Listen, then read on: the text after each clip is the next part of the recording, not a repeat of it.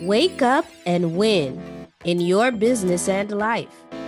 Welcome to the Wake Up Wednesdays podcast with your host, Lucrease Aguzma. Welcome to February World Changers. Welcome to this episode of Wake Up Wednesdays. Today we are going to discuss what branding is and why do you need it. First, let's talk about what branding is not. There's two things a lot of people I hear a lot of people say that branding is, but it's really not. Um, number one, branding is definitely not marketing. A lot of people like to confuse the two. Branding is not marketing.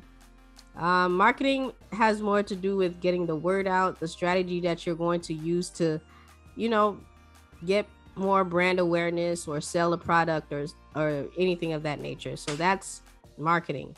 But branding has more to do with who you are, who you present yourself as, um, who you market yourself as. Okay, so it has more to do with who you are and um, what people perceive about you.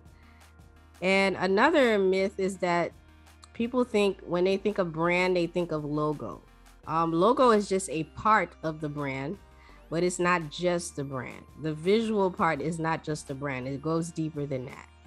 So, what is branding? Branding is basically the essence of what your company is and how it creates an experience for your audience. It's about the perception that your customer has about your brand. It's comprised of the logo. So the logo is part of the brand. It the logo, the colors, the fonts, the imagery, your messaging, they all work together to convey a feeling, a connection, or your uniqueness in your in the world. So why do you really need branding? Why do you have to go through that whole process? Well, think about it. Just like a person, like a human being, they have a name, they have a look, they have a personality, and they have a way that they connect with the world. So it's the same thing for your brand. So you can't just say, I'm going to go market, but you don't have a name, you don't have a certain look that you have, you don't have a personality, and you don't have a, way that you connect, a, a, a message or, you know, core values to connect. So going through the process helps you put a face and a personality and values to what you're doing thus creating the perception in the consumer's mind about you. So, you have to ask and answer, you know, some hard questions about yourself as a brand and about who you want to be as a brand. And because that's what's going to help you set yourself apart from the rest. Okay. So, what should you expect during the branding process? Number one, first thing, you know, you got to decide who you are as a brand. Like I stated before, you have to brainstorm where you want to take your brand. Explore knowing yourself, knowing your audience, knowing your competition, and, you know, develop your story and your personal, you know, bio in, in that sense. Okay. So you have to brainstorm those things. And next, after you brainstorm those things, now you have to really define it and you know put a, and craft it and put a frame around it and you do that by creating your mission your vision your company promise your core values and you know also developing that personality i spoke about like what what type of personality do you want to have your pitch and your um your story so all of these things are important so you got to define that brand so when people see it they know it's you okay all right. Next, after you do that, now you got to decide the goals. You have to set goals for this beautiful brand that you just, you know, brainstormed about. Okay. Yeah. We you have to have a strategic plan. We spoke about strategic plan last episode, so be sure to check that out if you if you want some insight on that. But a strategic plan it gives your dreams and it gives your brand permission to come to life. So you have to have a strategic plan, strategic goals to focus on what you accomplish in either your first year or in five years, in 10 years, 20 years, whatever it is, because that's what's going to help you build a profitable brand that's going to keep you relevant. Having those goals, reaching those goals, adjusting those goals if you need to. So those are important. And you know, and outline a detailed plan how you want to, you know, communicate and launch your brand to the world. Now, after you've done all those three, that's when you start working on the visual part. So I've seen that, that mistake before where people tend to start with the logo, say, Oh, I want to start this business. I need to get a logo. I need to get a website.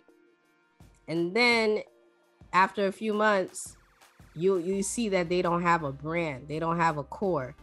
They have a product maybe, um, they have a website, they have a logo, but there's no brand, there's no um, life to it. So that's why it's important to go through the branding process first and then you start designing. So, um, based on whatever you've done, that's when you start thinking about your logo and your tagline and your fonts and your color palette. Because how are you going to know what colors and what fonts to use if you don't know what type of personality you have? So that's why it's important to go through that branding process. So, yeah, I wanted to quickly share that with you what branding is and why you need it. So, let's do a quick recap. What branding is not branding is not marketing, and branding is not just the visual, it's not just your logo. And branding basically is the essence of what your company is, and it's the experience that you create through all the things that comprise of the brand. Okay? And why do you need branding? You need branding so you can set yourself apart from the rest.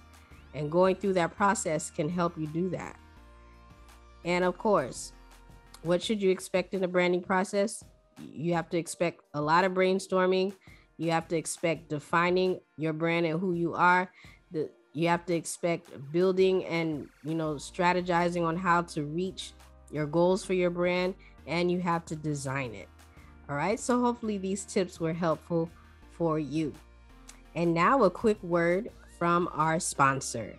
This episode was brought to you by Invisiate Creative Agency, where we design beautiful brands that change the world. If you need help with getting started on the branding process, join our free Makeover My Brand Challenge where you'll receive practical steps on building your brand. Click the link in the description to get started. And now let's close with our destiny nugget for today. It is found in Deuteronomy 1, verse 11. May the Lord God of your fathers make you a thousand times more. If you want to make the impact you want, you need a solid brand to do it. So the world is waiting to hear from you. So, be sure to connect with us on Instagram, Facebook, and LinkedIn at Invisiate. So until next time, World Changer, have a great one.